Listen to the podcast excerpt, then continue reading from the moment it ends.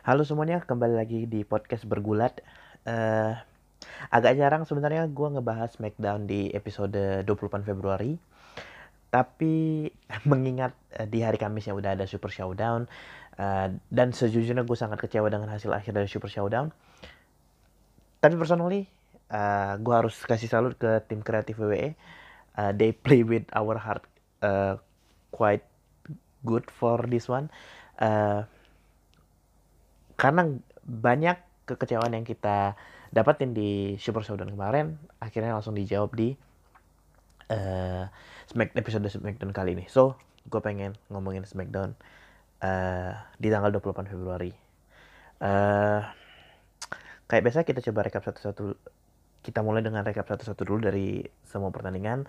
Uh, buat teman-teman yang udah ngikutin Smackdown di minggu minggu, udah di announce kalau di episode kali ini John Cena akan balik Uh, dan ya biasalah kita expect dia bakal ngeluarin promo, uh, ngomong mungkin plan dia untuk WrestleMania segala macam standar. Uh, tadinya gue sejujurnya gue berpikir uh, Sina yang akan ngebuka SmackDown tapi ternyata itu uh, Goldberg dan sumpah gue kayaknya baru sekali ini ngeliatin Goldberg dibu sama orang-orang. Oke, okay.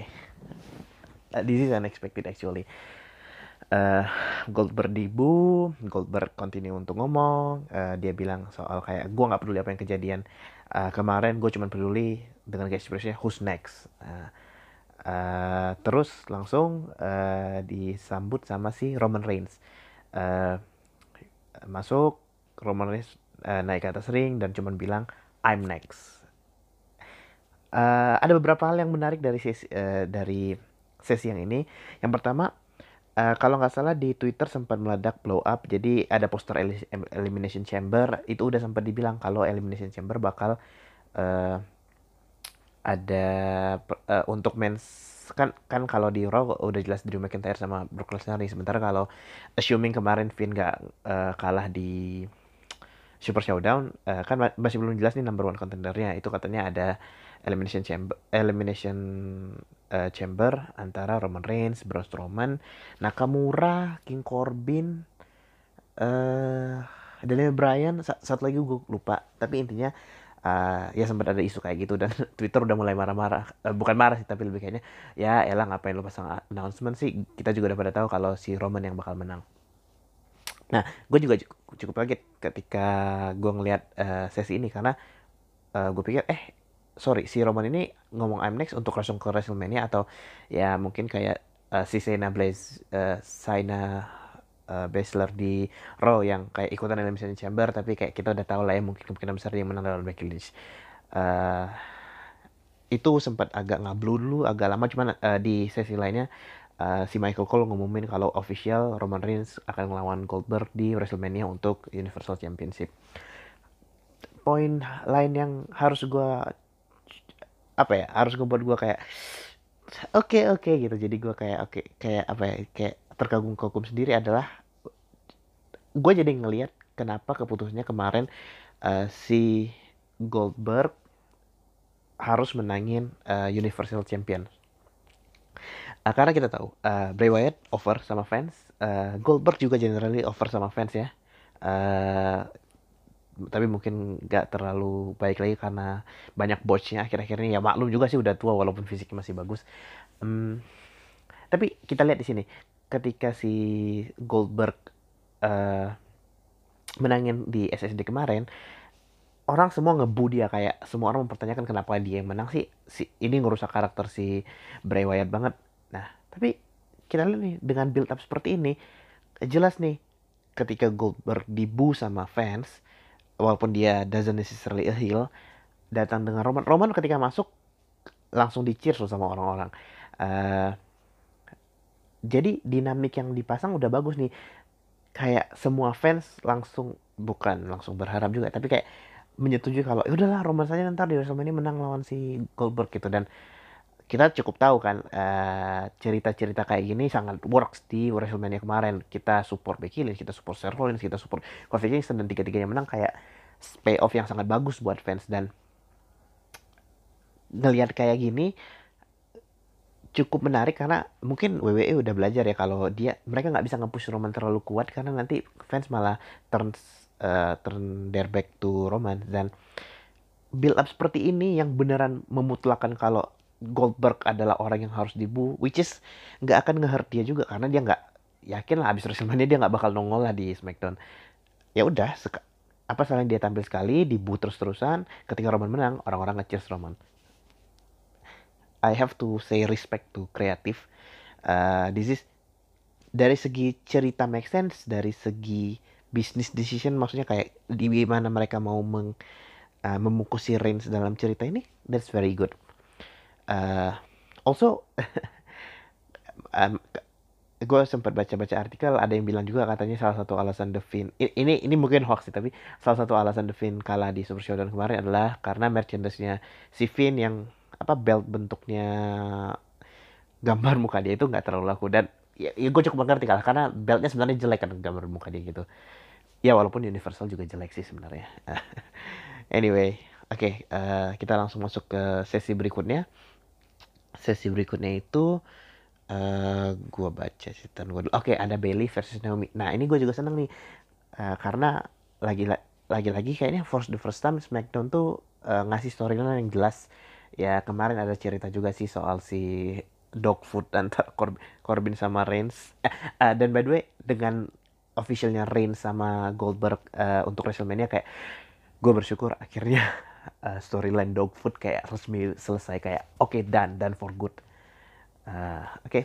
uh, berikutnya Bailey sama Naomi. Asal uh, udah mulai masuk uh, kering. Uh, Bailey mulai protes kayak uh, kurang lebih kayak eh gue ngapain lawan lu? Kemarin kan gue udah menang lawan lu. Which is apa ya menurut gue statement yang underrated di WWE kayak itu benar kayak harusnya statement itu tuh perlu di use di WWE lebih sering ya kayak Roman sama Corbin ke mana lah. Roman udah menang berkali-kali sama Corbin kayak anjir gue ngapain lagi ngurusin lu gitu. Harusnya kan gitu.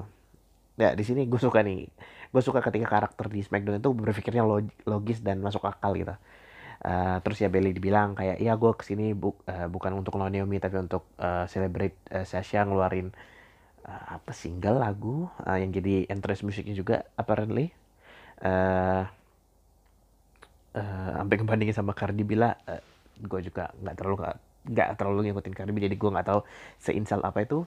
Anyway yada yada yada uh, Naomi lawan Bailey akhirnya disqualify karena uh, si Bailey udah kena uh, rear endnya si Naomi which is uh, kayak lu lagi lari terus kena pantat orang uh, udah mau one two uh, Sasha Banks masuk mukul DQ datang Lacey Evans I don't really know kenapa Lacey Evans datang tapi kayaknya bukan story sama Naomi sih tapi story ke kayak dia masih nggak terima bulinya si uh, Sasha Banks ke anaknya. Yada yada yada yada.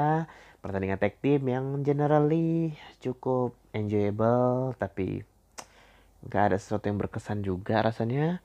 Uh,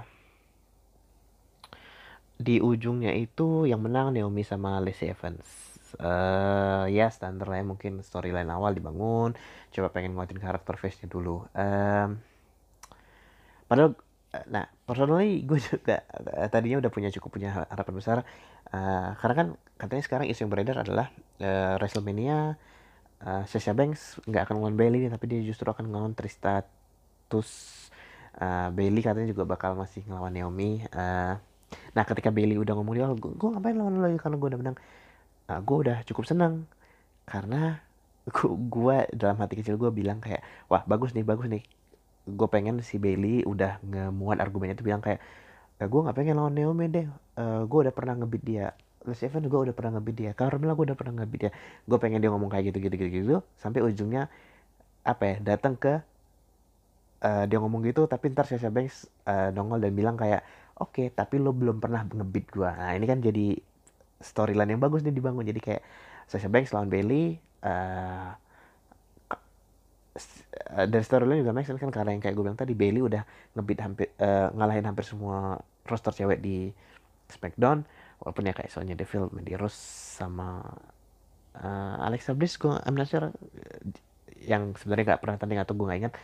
Uh, tapi anyway kan itu storyline jadi menarik gitu. Tapi ya I guess we're gonna get at least uh, si Bailey lawan Naomi uh, gue kurang tahu Liz Evans sama si uh, Sasha Banks ini bakal jadi apa.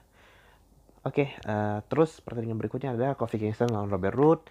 Uh, gua senang ngelihat pertandingan ini karena akhirnya si Robert Roode jadi apa ya wrestler yang sejati lagi di sini. Karena kemarin ketika dia jadi ajudannya si King Corbin menurut gue Robert Roode itu enggak jadi gini Robert Roode ini gue gue dulu nggak terlalu tahu ketika dia masih di TNA atau Impact tapi ketika digabung di NXT ini jadi salah satu wrestler yang uh, eh, gue sedang banget karena gini ketika Triple H uh, ngerekrut dari dari Impact harapan si Triple H itu cuman kayak oke okay, lu udah senior lu bimbing lah nih uh, teman-teman yang memang lagi pengen uh, get up in the business lu bimbing lah apa ya kayak lu jadi mentor atau lu jadi kayak partner storyline yang bagus. Jadi kayak pertandingan in ring competitionnya ngebuat orang invest gitu kadang lawan Robert Roode tapi terus out dia get over sama crowd dan akhirnya dia balah jadi NXT champion. Anyway uh, eh, gue senang di uh, match ini. Uh, walaupun sebenarnya personally gue ngerasa ini tidak ngelayanin storyline sedikit pun. Ada sedikit drama-drama di tengah-tengah yang cukup menarik. Jadi kayak si Robert pura-pura nendang nendang uh, tangga yang masuk kering itu terus pura-pura kesakitan terus kayak referee ngeliat kayak kebetulan di situ ada deket itu ada back big terus kayak referee bilang eh lu mukul dia ya? Out! Gitu. Dan ya uh, cukup menarik lah. Di situ di sini juga si Mandy Rose for some reason ngelihat pertandingannya. But I guess that's more related to Dolph Ziggler. But okay.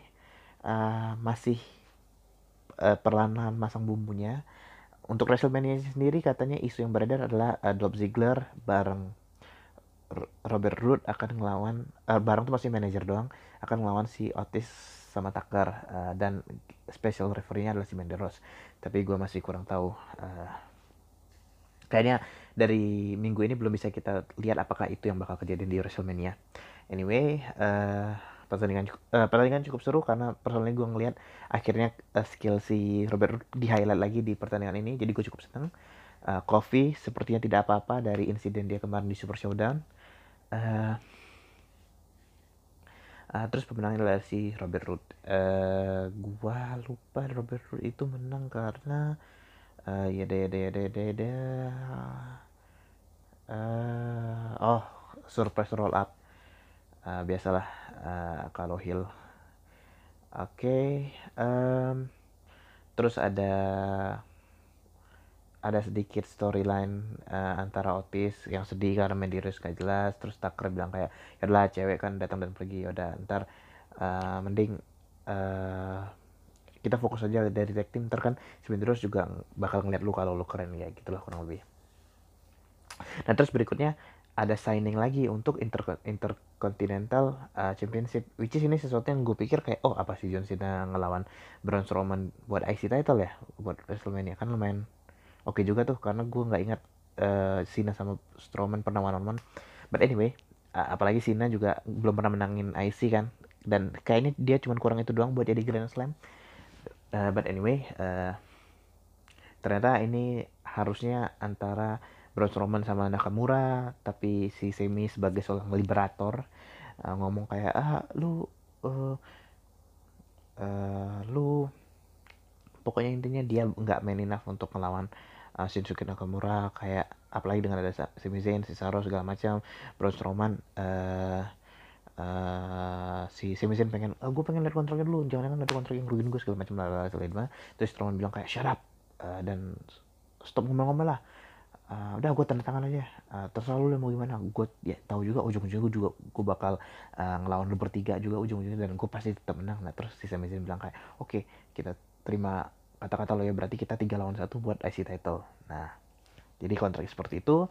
Uh, terus abis tanda tangan kontrak uh, gue cukup senang karena ya walaupun gue tahu uh, kelasnya si Semi Cesaro sama Nakamura ini nggak jadi penantang serius lah ya jadi penantang lucu-lucu aja. Walaupun mereka bertiga adalah wrestler yang keren dan gue nggak tahu kenapa harus seperti ini tapi oke okay, at least they got on TV nggak kayak Rusev yang bahkan hilang tapi karena kontrak segala macam. Tapi but anyway dan gue senang karena di sini at least mereka di book abis signing itu ya kita tahu lah pasti ada brawl abis booking apa kontrak signing dan gue senang karena at least mereka di push secara strong di sesi ini kayak Strowman akhirnya si Sami ngasih Hello Kick yang udah lama banget gak gue lihat. Si Nakamura juga ngasih Kinshasa gue nggak ingat apakah si Saru ngasih neutralizer atau enggak tapi uh, di ujungnya pokoknya si Sami nendang uh, si Strowman ke table. Dan ya mereka terlihat kuat. Which sebenarnya ini kayak mengkonfirm kemungkinan besar Strowman bakal menang sih walaupun one on three. Anyway, di sini gue baru sadar kayak oh oke okay, kayaknya yang soal isu yang elimination chamber yang tadinya Roman Reigns, uh, Nakamura sama Braun kayaknya nggak bakal kejadian karena toh ini storyline-nya udah beda sih. Mereka ini malah ngomel-ngomel di Intercontinental kan. Oke. Okay. Uh, eh, oh terus di sini akhirnya di bilang official kalau Reigns bakal ngelawan Goldberg di WrestleMania uh, eh, 36. Terus berikutnya ada Daniel Bryan sama Curtis Axel yang sebenarnya nggak terlalu penting sih pertandingannya karena sebenarnya di sini justru feudnya itu ada di uh, Daniel Bryan sama si uh, siapa namanya? Uh, siapa namanya? Siapa namanya? Drew Gulak, sorry. Uh, nah, eh, di sini uh, Drew Gulak kayak sambil komentator sambil ngasih-ngasih pointer oh ya kayak harusnya gue kalau kayak gitu kayak gini kayak gini kayak gini dan which is sebenarnya kalau lo tahu uh, salah satu kan dari Bryan technical wizard ya. Maksudnya dia, dia gaya brawlnya juga adalah gaya teknik. Teknis dia main banyak uh, dia banyak gabungan dari banyak teknik tapi kemungkinan yang paling menonjol itu grapple sama submission dia. Dia jadi kayak bisa ngemelintir badan lu segala macam yang bisa uh, ngebuat ini lu kesakitan lah. Which is kalau di dunia itu yang paling gue suka sebenarnya Zack Saber. Tapi di WWE mungkin dan Brian yang termasuk yang paling oke okay di sini. Sama uh, Pit dan submissinya lumayan oke okay, tapi dia mungkin lebih ke brawler yang lebih brawler gitu anyway uh, uh, jadi si Daniel Bryan ini kan technical technical wizard gitu. Nah, sebenarnya si Dirgulak ini juga di 205 juga di sempat didapat jadi orang itu technical wizard uh, apalagi kalau lihat uh, info-info backstage kalau lu ngikutin si Celtic workoutnya si Sheamus itu si Drew Gulak ini memang termasuk salah satu orang yang dari segi teknik itu paling bagus wrestlingnya. Dia dia mungkin nggak necessary jadi uh, big guy atau orang yang dipush di WWE tapi dia kayak sebenarnya jadi pelatih atau orang yang memang di set kalau di backstage itu kalau ditanyain soal teknik kemampuan gimana caranya supaya lo ngejual ini lebih bagus atau kayak gimana caranya lo move jadi satu gerakan ah, tiba-tiba jadi kayak gini kayak gitu kan. Kayak soalnya kan banyak apa ya sequence-sequence misalnya kayak uh, tau gak sih lu uh, sequence-nya Randy Orton yang kayak habis rope rope rope terus dia scoop power slam. Atau misalnya kayak uh, sesimpel kalau misalnya uh, The Miz lagi figure for lock terus lawannya mau ngebalikin jadi apa itu kan. Nah itu si si Drew Gulak itu termasuk yang jago di sini. Jadi gue sih cukup senang kalau misalnya memang kayak apa ya dua technician ini akan bertanding gue nggak tahu either di WrestleMania. Kayaknya nggak nggak mungkin dapat panggung segede WrestleMania juga sih walaupun Daniel Bryan punya nama tapi Drew Gulaknya mungkin nggak belum punya power sebesar itu untuk ke crowd. Mungkin pre-show tapi apakah Daniel Bryan cukup untuk pre-show? Tapi bisa jadi karena WWE pengen nghukum dari brand yang nggak mau diajak ke Arab. But anyway gue cukup excited sama storyline yang dibuat di sini. Dan kita tunggu uh, ntar jadi gimana. Uh, by the way dan Bryan menang. Nah, terus uh, berikutnya ada Miss sama Morrison ngerayain uh, kemenangan.